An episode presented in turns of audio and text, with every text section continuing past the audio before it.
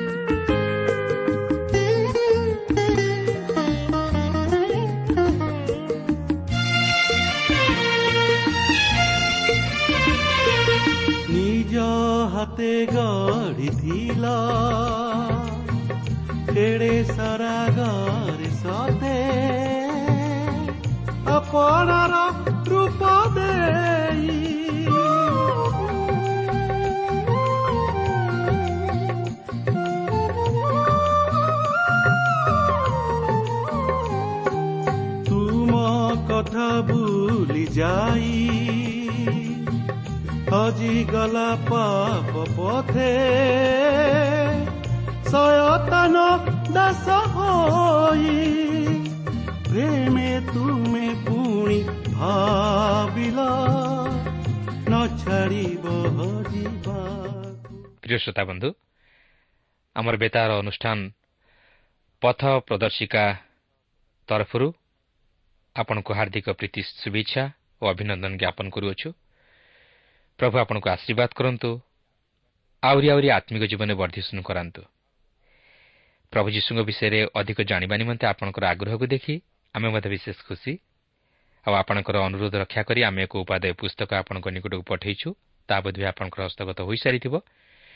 ତେଣୁ ତାହା ଅଧ୍ୟୟନ କରନ୍ତୁ ଆଉ ଏହି କାର୍ଯ୍ୟକ୍ରମ ନିୟମିତ ଶୁଣନ୍ତୁ ଓ ଅନ୍ୟମାନଙ୍କୁ ମଧ୍ୟ ଶୁଣାଇବାରେ ସାହାଯ୍ୟ କରନ୍ତୁ। ଆଉ ସେମାନଙ୍କୁ ମଧ୍ୟ ଆମ ସହ ପତ୍ର ମାଧ୍ୟମରେ ଯୋଗାଯୋଗ କରିବା ନିମନ୍ତେ ଉତ୍ସାହିତ କରନ୍ତୁ। ତାହେଲେ ପ୍ରଭୁ ଆପଣଙ୍କୁ ଆଶୀର୍ବାଦ କରିବେ ଆହୁରି ଆହୁରି ଆତ୍ମିକ ଜୀବନରେ ବର୍ଦ୍ଧିଷ୍ଣୁ କରାଇବେ। ଆସନ୍ତୁ ପ୍ରଭୁଙ୍କର ବାକ୍ୟ ମଧ୍ୟକୁ ଯିବା ପୂର୍ବରୁ ସଂକ୍ଷେପରେ ପ୍ରାର୍ଥନା କରିବା। ପବିତ୍ର ପ୍ରଭୁ ଆମଙ୍କର ଜୀବିତ ଈଶ୍ୱର ତୁମର ଧନ୍ୟବାଦ କରୁଅଛୁ ଏହି ସୁନ୍ଦର ସମୟ ପାଇଁ। ପ୍ରଭୁ ଆଜି ଆମେ ଆସିଅଛୁ ତୁମର ବାକ୍ୟ ମଧ୍ୟ ଦେଇ ତୁମର ସ୍ୱର ଶୁଣିବା ପାଇଁ। ପ୍ରଭୁ ତୁମେ ଆମମାନଙ୍କୁ ତୁମର ବାକ୍ୟ ମଧ୍ୟ ଦେଇ କଥା କୁହ ଏବଂ ତୁମର ପବିତ୍ର ଉପସ୍ଥିତି ଆମମାନଙ୍କୁ ଉପଲବ୍ଧି କରିବା ପାଇଁ ଦିଅ। ଶତ୍ରୁ ସୈତାନ ସମସ୍ତ ମନ୍ଦ ଚକ୍ରାନ୍ତ ଉପରେ ବିଜୟୀ ଜୀବନ ଯାପନ କରିବା ପାଇଁ ଆମମାନଙ୍କୁ ଶକ୍ତି ଦିଅ। ଏବଂ ଆମମାନଙ୍କୁ ଏକ ସରଳ ବିଶ୍ୱାସର ହୃଦୟ ଦିଅ ଯେପରି ଆମମାନେ ତୁମର ବାକ୍ୟକୁ ସରଳ ବିଶ୍ୱାସରେ ଗ୍ରହଣ କରି ତଦନୁଯାୟୀ ଜୀବନଯାପନ କରିବା ପାଇଁ ସମର୍ଥ ହୋଇପାରୁ। ଆଜିର ଏହି କାର୍ଯ୍ୟକ୍ରମ ମଧ୍ୟ ଦେଇ ପ୍ରଭୁ ତୁମେ ଆମମାନଙ୍କ ପ୍ରତ୍ୟେକଙ୍କୁ ଆଶୀର୍ବାଦ କର। ଯୀଶୁଙ୍କ ନାମରେ ମାଗୁଅଛୁ ଆମେନ୍।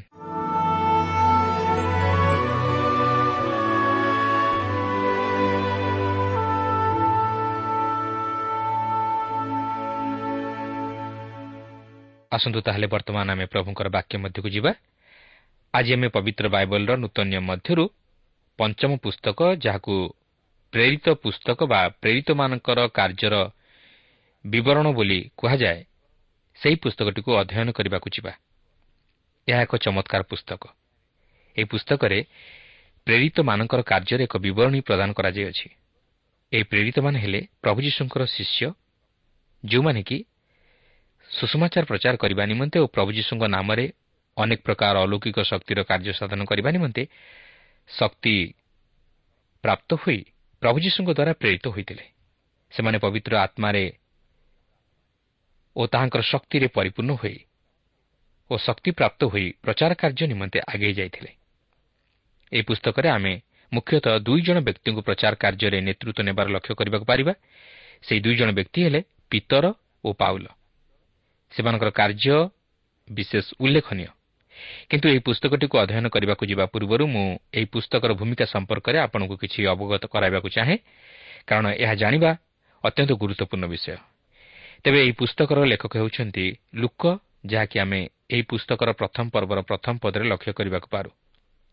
ଏହି ପୁସ୍ତକକୁ ମଧ୍ୟ କେହି କେହି ପଞ୍ଚମ ସୁଷମାଚାର ବୋଲି ମଧ୍ୟ କହନ୍ତି ଏବଂ ଏହା ଲୁକ ସୁଷମାଚାରର କ୍ରମଶଃ ପ୍ରଭୁଙ୍କର ଜଣେ ଦାସ ଲୁକଙ୍କର ଲେଖନୀ ଉପରେ ବିଶେଷ ଗବେଷଣା କରି ଏହିପରି ମତବ୍ୟକ୍ତ କରନ୍ତି ଯେ ଲୁକ ଜଣେ ମହାନ ଐତିହାସିକ। ଏହି ପୁସ୍ତକଟି ବିଭିନ୍ନ ଦିଗରୁ ଦେଖିବାକୁ ଗଲେ ଅତି ଚମତ୍କାର ପୁସ୍ତକ। ଏହା ନୂତନ ନିୟମର ସୁଷମାଚାର ଓ ଅନ୍ୟ ପୁସ୍ତକମାନଙ୍କ ମଧ୍ୟରେ ଏକ ସେତୁ ପରି କାର୍ଯ୍ୟ କରେ। ଏହି ପୁସ୍ତକ ବିନା ନୂତନ ନିୟମରେ ସୁଷମାଚାର ଓ ଅନ୍ୟାନ୍ୟ ପୁସ୍ତକମାନଙ୍କ ମଧ୍ୟରେ ଏକ ଶୂନ୍ୟସ୍ଥାନ ପଡ଼ିଯାଇପାରେ। ଓ ସେହି ଶୂନ୍ୟସ୍ଥାନକୁ ଅନ୍ୟ କୌଣସି ପୁସ୍ତକ ଦ୍ୱାରା ପୂରଣ କରାଯାଇ ନପାରେ ପ୍ରଭୁଙ୍କର ଜଣେ ଭକ୍ତ ଦାସ ଏହିପରି କହନ୍ତି ଯଦି ନୂତନ ନିୟମ ମଧ୍ୟରୁ ପ୍ରେରିତ ପୁସ୍ତକ କାଢ଼ି ନିଆଯାଏ ତାହେଲେ ଅନ୍ୟ କୌଣସି ପୁସ୍ତକ ସେହି ଶୂନ୍ୟସ୍ଥାନକୁ ପୂରଣ କରିପାରିବ ନାହିଁ।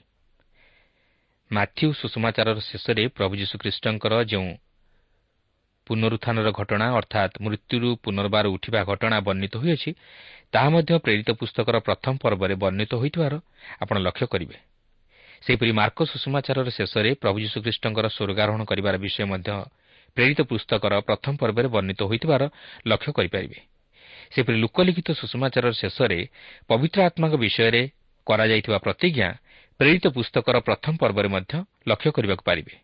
ଏଥିସହିତ ଯୌନ ଲିଖିତ ସୁଷମାଚାରରେ ବର୍ଣ୍ଣିତ ହୋଇଥିବା ପ୍ରଭୁ ଯୀଶୁଖ୍ରୀଷ୍ଟଙ୍କର ଦ୍ୱିତୀୟ ଆଗମନ କରିବା ବିଷୟ ମଧ୍ୟ ଏହି ପ୍ରେରିତ ପୁସ୍ତକର ପ୍ରଥମ ପର୍ବରେ ଆପଣ ଭଲ ଭାବେ ଅନୁଧ୍ୟାନ କଲେ ଦେଖିବାକୁ ପାରିବେ ତେଣୁ ଏହିପରି ଭାବରେ ଏହି ଚାରୋଟି ଯାକ ସୁଷମାଚାର ପ୍ରେରିତ ପୁସ୍ତକର ଏହି ପ୍ରଥମ ପର୍ବରେ କେନ୍ଦ୍ରୀଭୂତ ହୋଇଥିବାର ଆପଣ ଲକ୍ଷ୍ୟ କରିବାକୁ ପାରିବେ ଏଥିସହିତ ମଧ୍ୟ ସୁଷମାଚାର ପ୍ରଚାରର ଏକ ମହାନ ଦାୟିତ୍ୱ ଯାହାକି ଚାରୋଟି ଯାକ ସୁଷମାଚାର ମଧ୍ୟରେ ଦେଖିବାକୁ ମିଳେ ତାହା ମଧ୍ୟ ପ୍ରେରିତ ପୁସ୍ତକରେ ସଫଳ ହୋଇଥିବାର ଆପଣ ଲକ୍ଷ୍ୟ କରିବାକୁ ପାରିବେ। ତେଣୁ ଏହି ପ୍ରେରିତ ପୁସ୍ତକ ଏକ ସିଢ଼ି ପରି କାର୍ଯ୍ୟ କରେ ଯାହା ଉପରେ କି ମଣ୍ଡଳୀଗୁଡ଼ିକ ନିକଟକୁ ଲେଖାଯାଇଥିବା ପତ୍ରଗୁଡ଼ିକ ଆଧାରିତ। କାରଣ ପ୍ରେରିତ ପୁସ୍ତକରେ ଆମେ ଖ୍ରୀଷ୍ଟୀୟ ମଣ୍ଡଳୀଗୁଡ଼ିକର ଜନ୍ମଲାଭ କରିବାର ବା ପ୍ରତିଷ୍ଠିତ ହେବାର ବିଷୟ ଲକ୍ଷ୍ୟ କରିବାକୁ ପାରୁ ଯେଉଁ ସମସ୍ତ ମଣ୍ଡଳୀଗୁଡ଼ିକ ନିକଟକୁ ପତ୍ର ଲେଖାଯାଇଥିଲା। ପ୍ରେରିତ ପୁସ୍ତକରେ ଆମେ ଖ୍ରୀଷ୍ଟୀୟ ମଣ୍ଡଳୀର ଆରମ୍ଭ ଓ ଜନ୍ମଲାଭ କରିବାର ବିଷୟ ଲକ୍ଷ୍ୟ କରୁ ମାତ୍ର ଆଦି ପୁସ୍ତକରେ ଆମେ ଏହି ଦୃଶ୍ୟ ଜଗତର ଉତ୍ପତ୍ତି ବିଷୟ ଲକ୍ଷ୍ୟ କରୁ। ପ୍ରେରିତ ପୁସ୍ତକ ଏକ ଆତ୍ମିକ ଶରୀର ବିଷୟ ନେଇ ପ୍ରକାଶ କରେ ଯାହାକି ଖ୍ରୀଷ୍ଟୀୟ ମଣ୍ଡଳୀକୁ ବୁଝାଏ। ଏହି ପୁସ୍ତକର ମୁଖ୍ୟ ପଦ ହେଉଛି ପ୍ରଥମ ପର୍ବର ଆଠ ପଦ। ସେଠାରେ ଏହିପରି ଲେଖା ଅଛି କିନ୍ତୁ ପବିତ୍ର ଆତ୍ମା ତୁମାନଙ୍କ ଉପରେ ଅବତୀର୍ଣ୍ଣ ହୁଅନ୍ତେ ତୁମାନେ ଶକ୍ତିପ୍ରାପ୍ତ ହେବ। ଆଉ ଜିରୁସାଲମ ସମସ୍ତ ଜୁହୁଦା ପ୍ରଦେଶ ଓ ସମୀରଣ ପୁଣି ପୃଥିବୀର ପ୍ରାନ୍ତ ପର୍ଯ୍ୟନ୍ତ ସୁଦ୍ଧା ମୋର ସାକ୍ଷୀ ହେବ ପ୍ରକୃତରେ ଏହି ମୁଖ୍ୟ ପଦକୁ ନେଇ ଏହି ପୁସ୍ତକରେ ବର୍ଣ୍ଣିତ ହୋଇଥିବା ଘଟଣାବଳୀ ବିଭକ୍ତ କରାଯାଇଅଛି। ଏହି ପ୍ରେରିତ ପୁସ୍ତକର ପ୍ରଥମ ସାତ ପର୍ବ ମଧ୍ୟରେ ପ୍ରେରିତମାନଙ୍କ ମାଧ୍ୟମରେ ପବିତ୍ର ଆତ୍ମାଙ୍କ ସହାୟତା ଦ୍ୱାରା ପ୍ରଭୁ ଯୀଶୁଖ୍ରୀଷ୍ଟଙ୍କ କାର୍ଯ୍ୟ ଜିରୁସାଲାମରେ ସାଧିତ ହେବାର ବିଷୟ ବର୍ଣ୍ଣିତ ହୋଇଥିବାର ଆମେ ଲକ୍ଷ୍ୟ କରୁ। ସେହିପରି ଆଠ ପର୍ବରୁ ବାର ପର୍ବ ମଧ୍ୟରେ ଜିହୁଦା ପ୍ରଦେଶ ଓ ସମୀରଣରେ ସାଧନ କରାଯାଇଥିବାର ବିଷୟ ଓ ଅବଶିଷ୍ଟ ଅଂଶରେ ପୃଥିବୀର ପ୍ରାନ୍ତ ପର୍ଯ୍ୟନ୍ତ ତାହାଙ୍କ କାର୍ଯ୍ୟ ସାଧନ କରାଯାଇଥିବାର ବିଷୟ ବର୍ଣ୍ଣିତ ହୋଇଥିବାର ଆମେ ଲକ୍ଷ୍ୟ କରିବାକୁ ପାରିବା। କିନ୍ତୁ ଏହି ପୁସ୍ତକରେ ଏକ ଆଶ୍ଚର୍ଯ୍ୟର ବିଷୟ ଆପଣ ଲକ୍ଷ୍ୟ କରିବାକୁ ପାରିବେ ଯେ ଏହି ପୁସ୍ତକଟି ସମ୍ପୂର୍ଣ୍ଣ ହୋଇନାହିଁ ମାତ୍ର ଅସମ୍ପୂର୍ଣ୍ଣ ହୋଇ ରହିଅଛି ଏହି ପୁସ୍ତକର ବିବରଣୀ ପାଉଲଙ୍କଠାରେ ପୂର୍ଣ୍ଣଚ୍ଛେଦ ପଡ଼ିଅଛି ଯେଉଁଠାରେ ପାଉଲ ରୋମ୍ରେ ତାଙ୍କର ଭଡ଼ା ଘରେ ରହି ପ୍ରଚାର କାର୍ଯ୍ୟ କରୁଥିଲେ। କିନ୍ତୁ ପ୍ରକୃତରେ ଏହି ପୁସ୍ତକର ସମାପ୍ତି କେଉଁଠାରେ ଘଟିଛି ତାହା ସଠିକ୍ ଭାବେ କୁହାଯାଇପାରିବ ନାହିଁ। କାହିଁକି ଜାଣନ୍ତି ଯେହେତୁ ଏହି ପ୍ରେରିତ ପୁସ୍ତକ ଏକ ଅବିଚ୍ଛିନ୍ନ କାହାଣୀ। ଏହି ପ୍ରଚାର କାର୍ଯ୍ୟରେ ପୂର୍ଣ୍ଣଚ୍ଛେଦ ପଡ଼ିନାହିଁ ପ୍ରେରିତ ପାଉଲଙ୍କ ସମୟଠାରୁ ଆରମ୍ଭ କରି ଏପର୍ଯ୍ୟନ୍ତ ପ୍ରଚାର କାର୍ଯ୍ୟ ଚାଲୁ ରହିଅଛି। ଖ୍ରୀଷ୍ଟଙ୍କର କାର୍ଯ୍ୟ ଏବେ ବି ଚାଲୁ ରହିଅଛି। ପ୍ରଭୁ ଶ୍ରୀଖ୍ରୀଷ୍ଟ ତାଙ୍କର ସେବକମାନଙ୍କ ମାଧ୍ୟମରେ ପବିତ୍ର ଆତ୍ମାଙ୍କ ସହାୟତା ଦ୍ୱାରା ତାଙ୍କର କାର୍ଯ୍ୟ ସାଧନ କରି ଆସୁଅଛନ୍ତି। ହୋଇପାରେ ଆପଣ ଓ ମୁଁ ଆମେ ଖ୍ରୀଷ୍ଟଙ୍କ ନିମନ୍ତେ ଯେଉଁ ସମସ୍ତ କାର୍ଯ୍ୟ ସାଧନ କରୁଅଛୁ ସେହି ସମସ୍ତ କାର୍ଯ୍ୟର ବିବରଣୀ ପ୍ରଭୁ ବର୍ତ୍ତମାନ ଲୋକଙ୍କ ମାଧ୍ୟମରେ ଏହି ପୁସ୍ତକର ପରବର୍ତ୍ତୀ ଅଧ୍ୟାୟ ସ୍ୱରୂପେ ପ୍ରସ୍ତୁତ କରିବାକୁ ଯାଉଅଛନ୍ତି ଏହି ପୁସ୍ତକ ମଧ୍ୟରେ ବିଶେଷ ବୈଶିଷ୍ଟ୍ୟ ଥିବାର ଆମେ ଲକ୍ଷ୍ୟ କରିପାରିବା ତାହା ହେଉଛି ପ୍ରଭୁ ଯୀଶୁଖ୍ରୀଷ୍ଟଙ୍କର ଉତ୍କର୍ଷତା ପବିତ୍ର ଆତ୍ମାଙ୍କର ଉତ୍କର୍ଷତା ଖ୍ରୀଷ୍ଟୀୟ ମଣ୍ଡଳୀର ଶକ୍ତି ଦୃଶ୍ୟ ଅଦୃଶ୍ୟ ଖ୍ରୀଷ୍ଟୀୟ ମଣ୍ଡଳୀର ଉତ୍କର୍ଷତା ସ୍ଥାନଗୁଡ଼ିକର ଉତ୍କର୍ଷତା ବ୍ୟକ୍ତିବିଶେଷମାନଙ୍କର ଉତ୍କର୍ଷତା ପୁନରୁତ୍ଥାନର ଉତ୍କର୍ଷତା ଓ ଶେଷରେ ପିତର ପାଉଲଙ୍କର ବ୍ୟକ୍ତିତ୍ୱର ଉତ୍କର୍ଷତା। ତେବେ ଏହି ଦୁଇ ଜଣ ବ୍ୟକ୍ତିଙ୍କ ଉପରେ ବିଶେଷ ଗୁରୁତ୍ୱ ଦେବାର ପ୍ରଭୁ ଯୀଶୁଙ୍କର ଏକ ମହତ ଅଭିପ୍ରାୟ ରହିଅଛି ଏତଦ୍ ବ୍ୟତୀତ ସୁଷମାଚାର ପ୍ରଚାର ଦିଗରେ ଏହି ଦୁଇ ଜଣ ନେତୃତ୍ୱ ନେଇଥିଲେ ଓ ଏମାନଙ୍କର କାର୍ଯ୍ୟ ଉଲ୍ଲେଖନୀୟ ଏହା ବ୍ୟତୀତ ଯଦି ମାନବିକ ଦୃଷ୍ଟିକୋଣରୁ ନେଇ ଚିନ୍ତା କରାଯାଏ ତାହେଲେ ଲୋକ ଏହି ଦୁଇ ଜଣଙ୍କ ସହିତ ବିଶେଷ ପରିଚିତ ଥିଲେ ଓ ସେ ପାଉଲଙ୍କର ସହକର୍ମୀ ଥିଲେ।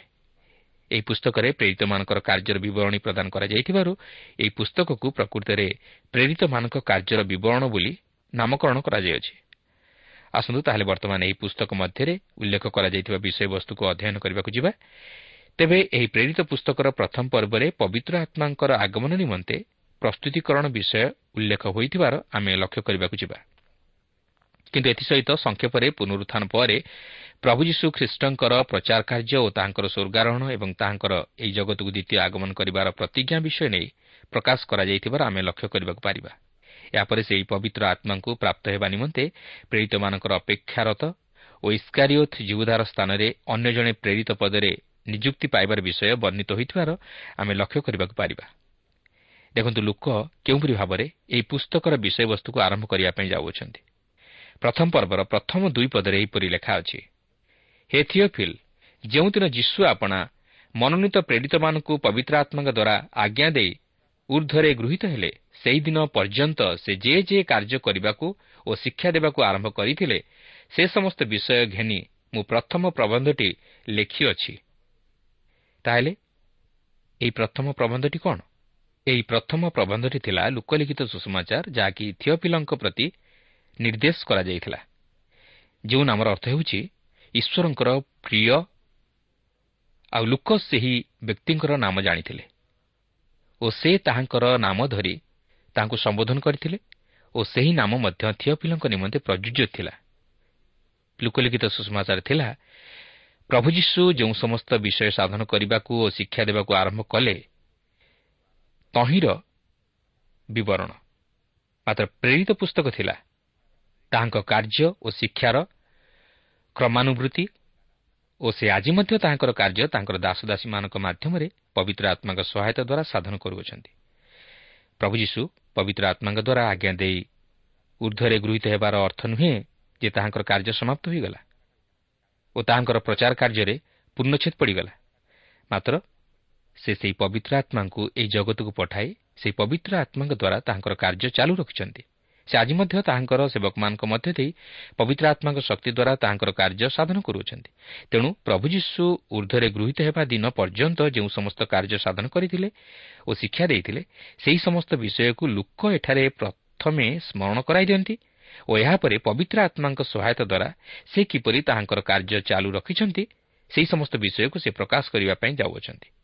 କିନ୍ତୁ ତାହାଙ୍କର ମୃତ୍ୟୁରୁ ପୁନରୁଦ୍ଧିତ ହେବାଠାରୁ ଉର୍ଦ୍ଧ୍ୱରେ ଗୃହୀତ ହେବାର ଚାଳିଶ ଦିନର ସମୟସୀମା ମଧ୍ୟରେ ସେ ତାହାଙ୍କର ଶିଷ୍ୟମାନଙ୍କୁ ଯେଉଁ ସମସ୍ତ ଶିକ୍ଷା ଓ ପ୍ରତିଶ୍ରୁତି ଦେଇଥିଲେ ସେହି ସମସ୍ତ ବିଷୟ ଲୋକ ସଂକ୍ଷେପରେ ଏହି ପ୍ରଥମ ପର୍ବରେ ଉଲ୍ଲେଖ କରିଅଛନ୍ତି। ଏହି ପ୍ରେରିତ ପୁସ୍ତକର ପ୍ରଥମ ପର୍ବର ତିନି ପଦରୁ ଆଠ ପଦ ମଧ୍ୟରେ ଲୋକ ସେହି ଚାଳିଶ ଦିନର ସମୟସୀମା ମଧ୍ୟରେ ପ୍ରଭୁ ଯୀଶୁଖ୍ରୀଷ୍ଟଙ୍କର ପ୍ରଚାର କାର୍ଯ୍ୟକୁ ସଂକ୍ଷେପରେ ଉପସ୍ଥାପିତ କରନ୍ତି।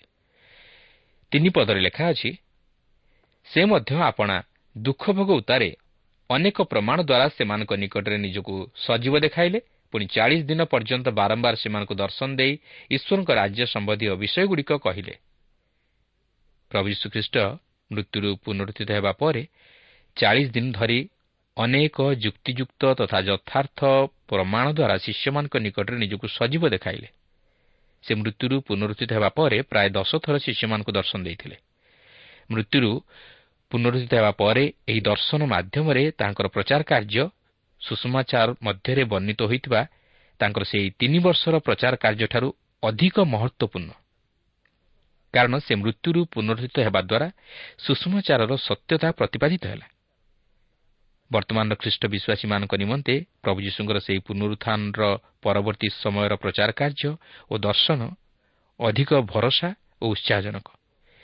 କାରଣ ପ୍ରଭୁ ଯୀଶୁଖ୍ରୀଷ୍ଟ ଯଦି ମୃତ୍ୟୁରୁ ପୁନରୁଦ୍ଧିତ ହୋଇନଥାନ୍ତେ ତାହେଲେ ସୁଷମାଚାରର ସତ୍ୟତା ପ୍ରତିପାଦିତ ହୋଇପାରିନଥାନ୍ତା ସେଥିପାଇଁ ପ୍ରେରିତ ପାଉଲ ଏହିପରି କହନ୍ତି ଯାହାକି ପ୍ରଥମ କରିଥିବା ପନ୍ଦର ପର୍ବର ତେର ଓ ଚଉଦ ପଦରେ ଲେଖା ଅଛି ଯଦି ମୃତମାନଙ୍କର ପୁନରୁତ୍ଥାନ ନାହିଁ ତେବେ ଖ୍ରୀଷ୍ଟ ମଧ୍ୟ ଉତ୍ଥିତ ହୋଇନାହାନ୍ତି ତେବେ ତ ଆମମାନଙ୍କ ପ୍ରଚାର ବୃଥା ତୁମାନଙ୍କ ବିଶ୍ୱାସ ମଧ୍ୟ ବୃଥା।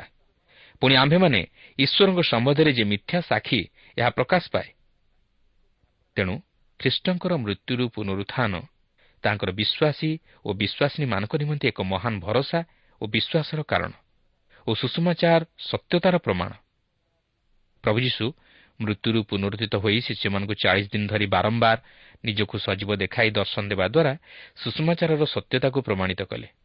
କେବଳ ସେତିକି ନୁହେଁ ସେ ସେମାନଙ୍କୁ ଦର୍ଶନ ଦେଇ ଈଶ୍ୱରଙ୍କ ରାଜ୍ୟ ସମ୍ବନ୍ଧୀୟ ବିଷୟଗୁଡ଼ିକ ମଧ୍ୟ କହିଲେ। ବାସ୍ତବରେ ସେଦିନ ଶିଷ୍ୟମାନଙ୍କ ନିମନ୍ତେ ଏହି ଦର୍ଶନର ଅନୁଭୂତି ଅତି ଚମତ୍କାର ଥିଲା। ସେମାନେ ଯଦିଓ ପ୍ରଭୁ ଯୀଶୁଖ୍ରୀଷ୍ଟଙ୍କର ମୃତ୍ୟୁରୁ ପୁନରୁତ୍ଥାନ କରିବା ବିଷୟ ନେଇ ବିଶ୍ୱାସ କରିପାରୁନଥିଲେ ମାତ୍ର ପ୍ରଭୁ ଯୀଶୁ ଯେତେବେଳେ ସେମାନଙ୍କୁ ଜୀବନ୍ତ ଭାବେ ଦର୍ଶନ ଦେଲେ ସେତେବେଳେ ସେମାନେ ତାହାଙ୍କୁ ଦେଖି ବିଶ୍ୱାସ କରିଥିଲେ। ଏପରିକି ତାଙ୍କ ଶିଷ୍ୟମାନଙ୍କ ମଧ୍ୟରୁ ଥୋମା ନାମକ ଜଣେ ଶିଷ୍ୟ ଯୀଶୁଙ୍କୁ ସ୍ପର୍ଶ କରି ବିଶ୍ୱାସ କରିଥିଲେ। ସେମାନଙ୍କ ମନରେ ଯେଉଁ ଅବିଶ୍ୱାସ ଥିଲା ତାହା ଦୂର ହୋଇଗଲା। କିନ୍ତୁ ପ୍ରଭୁ ଯୀଶୁ ଥୋମାଙ୍କୁ କହନ୍ତି ଯେଉଁମାନେ ନ ଦେଖି ବିଶ୍ୱାସ କରନ୍ତି ସେମାନେ ଧନ୍ୟ। ଆଜି ହୁଏତ ଆମେ ସେହିପରି ପ୍ରଭୁ ଯୀଶୁଙ୍କୁ ଦର୍ଶନ କରିପାରିବା ନାହିଁ।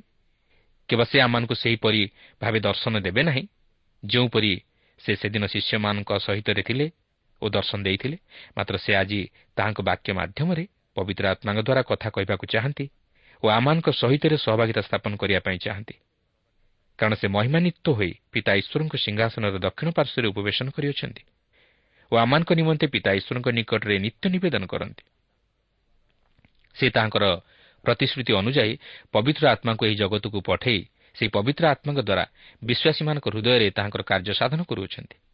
ତାହା ହିଁ ଏହି ପ୍ରେରିତ ପୁସ୍ତକର ମୁଖ୍ୟ ବିଷୟବସ୍ତୁ। ଏହି ପ୍ରେରିତ ପୁସ୍ତକରେ ଆମେ ବିଶେଷ କରି ପବିତ୍ର ଆତ୍ମାଙ୍କର କାର୍ଯ୍ୟକୁ ଦେଖିବାକୁ ପାରିବା।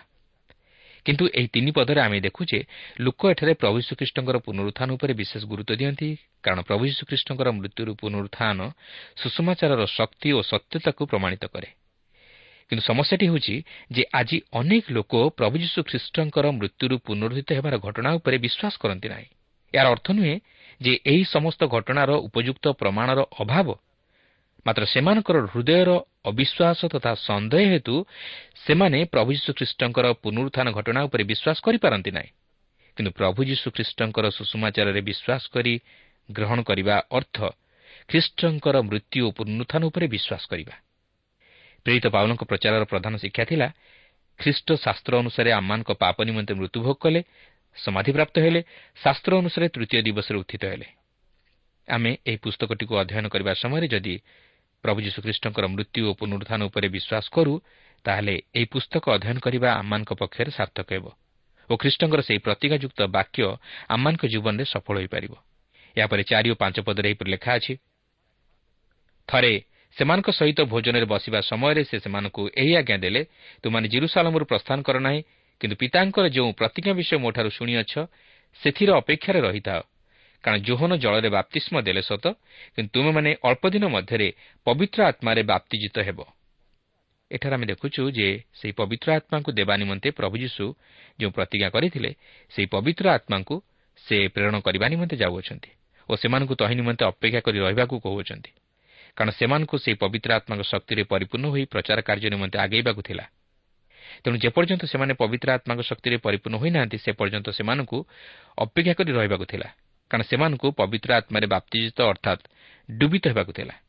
ଅନ୍ୟ ଅର୍ଥରେ କହିବାକୁ ଗଲେ ସେମାନଙ୍କୁ ପବିତ୍ର ଆତ୍ମାଙ୍କ ଶକ୍ତିରେ ପରିପୂର୍ଣ୍ଣ ହେବାକୁ ଥିଲା। ଏହା ହିଁ ଥିଲା ପିତା ଈଶ୍ୱରଙ୍କର ପ୍ରତିଜ୍ଞା ଓ ପ୍ରଭୁ ଯୀଶୁ ଏହି ପ୍ରତିଜ୍ଞା ବିଷୟ ନେଇ ସେମାନଙ୍କୁ ପୂର୍ବରୁ ଜଣାଇଥିଲେ ବୋଲି ଏଠାରେ ସେମାନଙ୍କୁ ସ୍ମରଣ କରାଇ ଦିଅନ୍ତି। ଓ ସେମାନେ ଅଳ୍ପ କିଛି ଦିନ ମଧ୍ୟରେ ପବିତ୍ର ଆତ୍ମାରେ ବାପ୍ତିଜିତ ହେବାକୁ ଯାଉଅଛନ୍ତି ଯାହାକି ଆମେ ଏହି ପ୍ରେରିତ ଦୁଇ ପର୍ବରେ ଅଧ୍ୟୟନ କରିବାକୁ ଯିବା।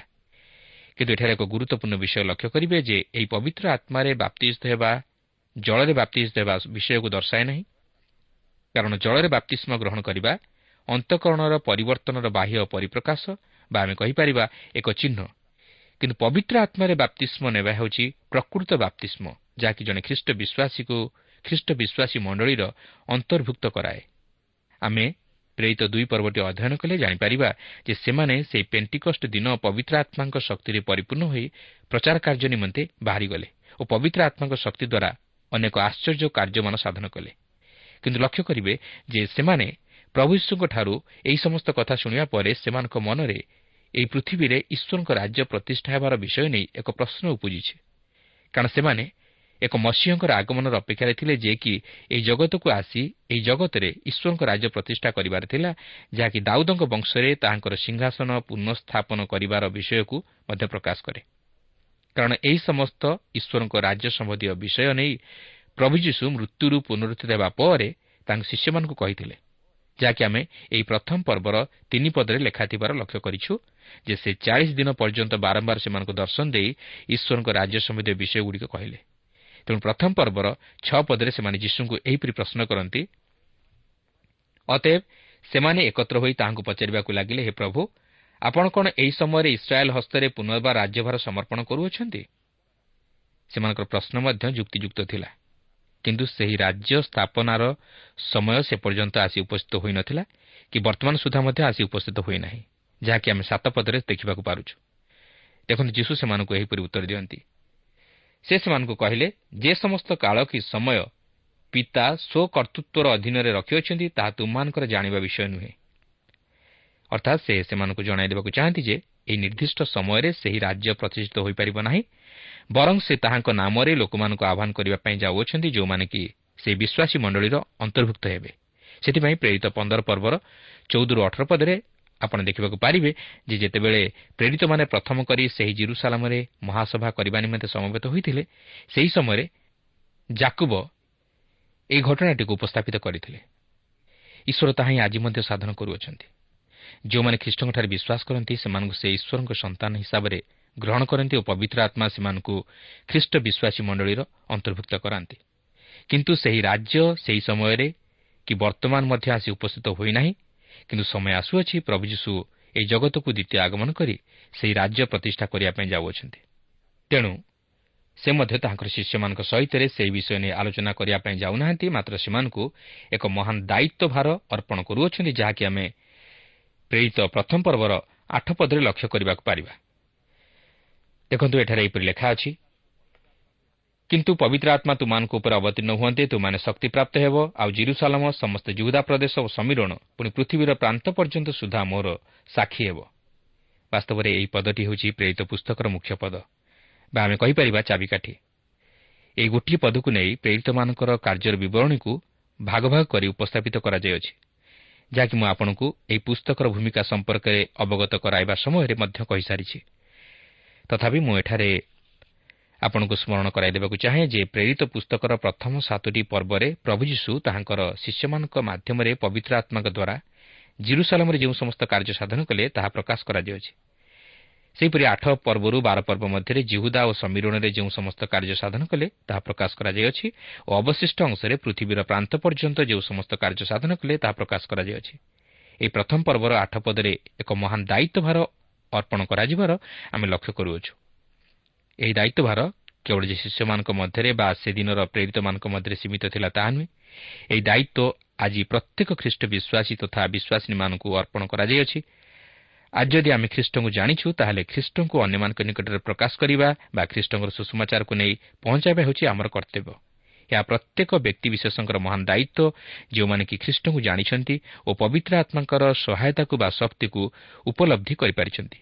କିନ୍ତୁ ଏହି ସୁଷମାଚାରକୁ ଅନ୍ୟମାନଙ୍କ ନିକଟରେ ପହଞ୍ଚାଇବାକୁ ହେଲେ ଆମକୁ ଶକ୍ତିପ୍ରାପ୍ତ ହେବାକୁ ହେବ। ଆଉ ତାହା ହେଉଛି ତାହାଙ୍କର ପ୍ରତିଜ୍ଞା ଯେ ତୁମାନେ ଶକ୍ତିପ୍ରାପ୍ତ ହେବ। ଏହି ଶକ୍ତି ଆଉ କାହାର ନୁହେଁ ମାତ୍ର ପବିତ୍ର ଆତ୍ମାଙ୍କର ଶକ୍ତି ଏବଂ ଏଥିସହିତ ପ୍ରଭୁଙ୍କର ଚାଳନା ମଧ୍ୟ ଆବଶ୍ୟକ। ଏହି ଶକ୍ତି ପ୍ରାପ୍ତ ହେବା ପରେ କ'ଣ କରିବାକୁ ହେବ ତାହା ମଧ୍ୟ ପ୍ରଭୁ ଯୀଶୁ କହନ୍ତି। ସେ କହନ୍ତି ତୁମାନେ ମୋର ସାକ୍ଷୀ ହେବ। ଆମେ ପ୍ରଭୁ ଯୀଶୁ ଖ୍ରୀଷ୍ଟଙ୍କ ନିମନ୍ତେ ସାକ୍ଷୀ ହେବା ଆବଶ୍ୟକ।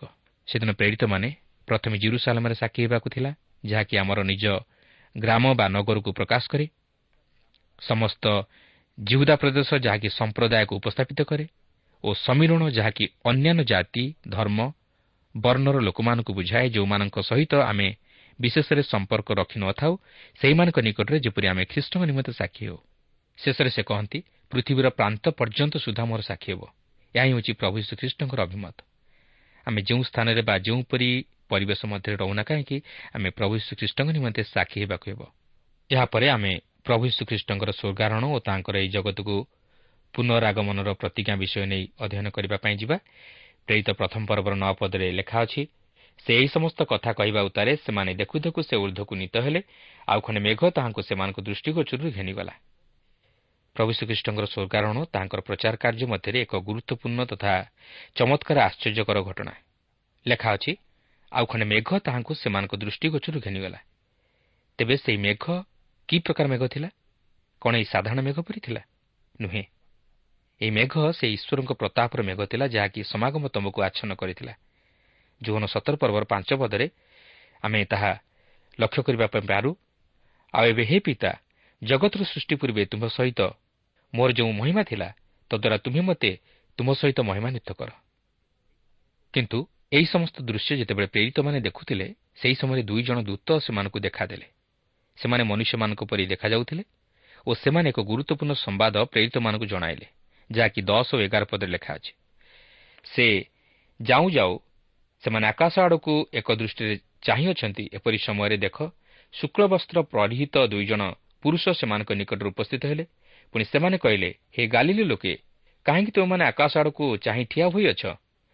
ଏହି ଯେଉଁ ଯୀଶୁ ତୁମମାନଙ୍କ ନିକଟରୁ ସ୍ୱର୍ଗରେ ଗୃହୀତ ହେଲେ ତାଙ୍କୁ ତୁମମାନେ ଯେଉଁ ପ୍ରକାର ସ୍ୱର୍ଗକୁ ଯିବାର ଦେଖିଲ ସେ ସେହି ପ୍ରକାରେ ଆଗମନ କରିବେ।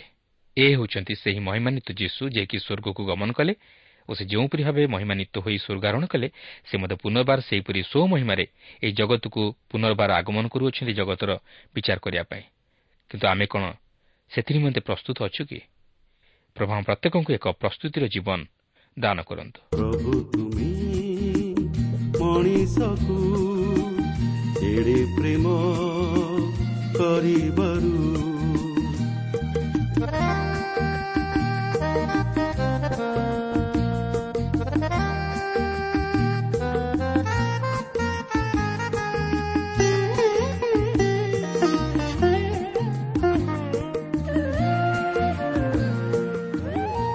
ପ୍ରିୟ ଶ୍ରୋତା আমার কার্যক্রম নিয়মিত শুণুবার অশেষ ধন্যবাদ আপনার এই কার্যক্রম শুণবা দ্বারা আত্মিক জীবনের উপকৃত হয়ে পে বলে আমার বিশ্বাস প্রভু শিশু বিষয়ে অধিক জাণবার আগ্রহ লে অথবা উপাদেয় পুস্তকর আবশ্যক লে আমসহ যোগাযোগ করন্তু আমার ঠিকনা পথ প্রদর্শিকা Trans World Radio India post box number তিন তিন ভুবনেশ্বর সাত পাঁচ এক শূন্য শূন্য এক mobile number nine seven double seven double two one four one five ঠিকଣାটি ଆଉଥରେ ଶୁଣନ୍ତୁ ପଥ ପ୍ରଦର୍ଶିକା Trans World Radio India post box number three three Bhubaneswar seven five one zero zero one mobile number nine seven double seven double two one four one five ଆମର email ଆଡ୍ରେସଟି ଲେଖି ରଖନ୍ତୁ Odia TTV at radio eight eight two dot com ତେବେ ଆଜି ପାଇଁ ବିଦାୟ ଦିଅନ୍ତୁ ନମସ୍କାର ଏଡ଼େ ପ୍ରେମ କରିବାରୁ ଏକମାତ୍ର ତନୟଙ୍କୁ ଏକମାତ୍ର ତନୟଙ୍କୁ ଦାନ କଲ ଜଗତକୁ ଦାନ କଲ ଜଗତକୁ। ପ୍ରଭୁ ତୁମେ ମଣିଷକୁ ଏଡ଼େ ପ୍ରେମ କରିବାରୁ ପ୍ରଭୁ ତୁମେ ମଣିଷକୁ ଏଡ଼େ ପ୍ରେମ କରିବାରୁ ଏକମାତ୍ର ତନୟଙ୍କୁ ଏକମାତ୍ର ତନୟଙ୍କୁ ଦାନ କଲ ଜଗତକୁ ଦାନ କଲ ଜଗତକୁ ପ୍ରଭୁ ତୁମେ ମଣିଷକୁ ଏଡ଼େ ପ୍ରେମ କରିବାରୁ ପ୍ରଭୁ ତୁ